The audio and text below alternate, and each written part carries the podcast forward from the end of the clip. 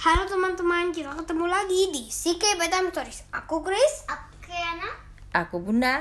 Aku ayah. Hari ini Bunda akan baca buku tentang membantu Lulu. Iya, jadi hari ini kita akan membaca buku berjudul Membantu Lulu karangan Agnes Bemoe. Ceritanya tentang Titi tikus yang berteman baik dengan Lulu anak ayam. Hari sudah malam, hari sudah menjelang malam. Titi tikus sudah mau tidur. Tiba-tiba Titi mendengar suara. Ciap, ciap, ciap, ciap, ciap, ciap. Titi bingung.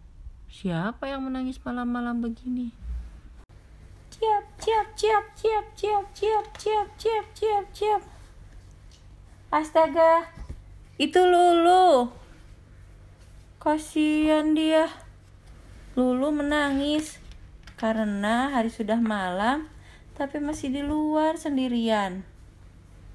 Aduh, ibu melarangku keluar malam-malam saat hujan. Namun, ibu pasti tidak marah kalau aku menolong sesama. Baiklah, aku akan keluar menemani Lulu. Jangan takut, Lulu, kata Titi. Titi menemani Lulu di luar. Tidak lama kemudian, Lulu, engkau di sini rupanya. Ibu Lulu pun datang. Ibu, Lulu senang sekali.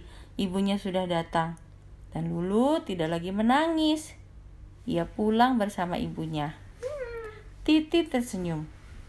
Senang sekali rasanya membantu sesama. Selesai. Yeay. Terima kasih teman-teman sudah mendengarkan cerita hari ini. Semoga kalian suka ya. Ini bukunya cuma ada yang itu ke satu yang Indonesia yang kita ba- baca di CK Bedtime Stories. Iya, nanti berikutnya akan ada lagi Tapi nanti buku-buku tunggu. berikutnya dalam bahasa Indonesia. Tapi tunggu ya. Terima kasih teman-teman. Selamat tidur. Bye. Bye. Besok-besok bisa ketemu lagi. Iya, besok-besok bisa dengerin lagi.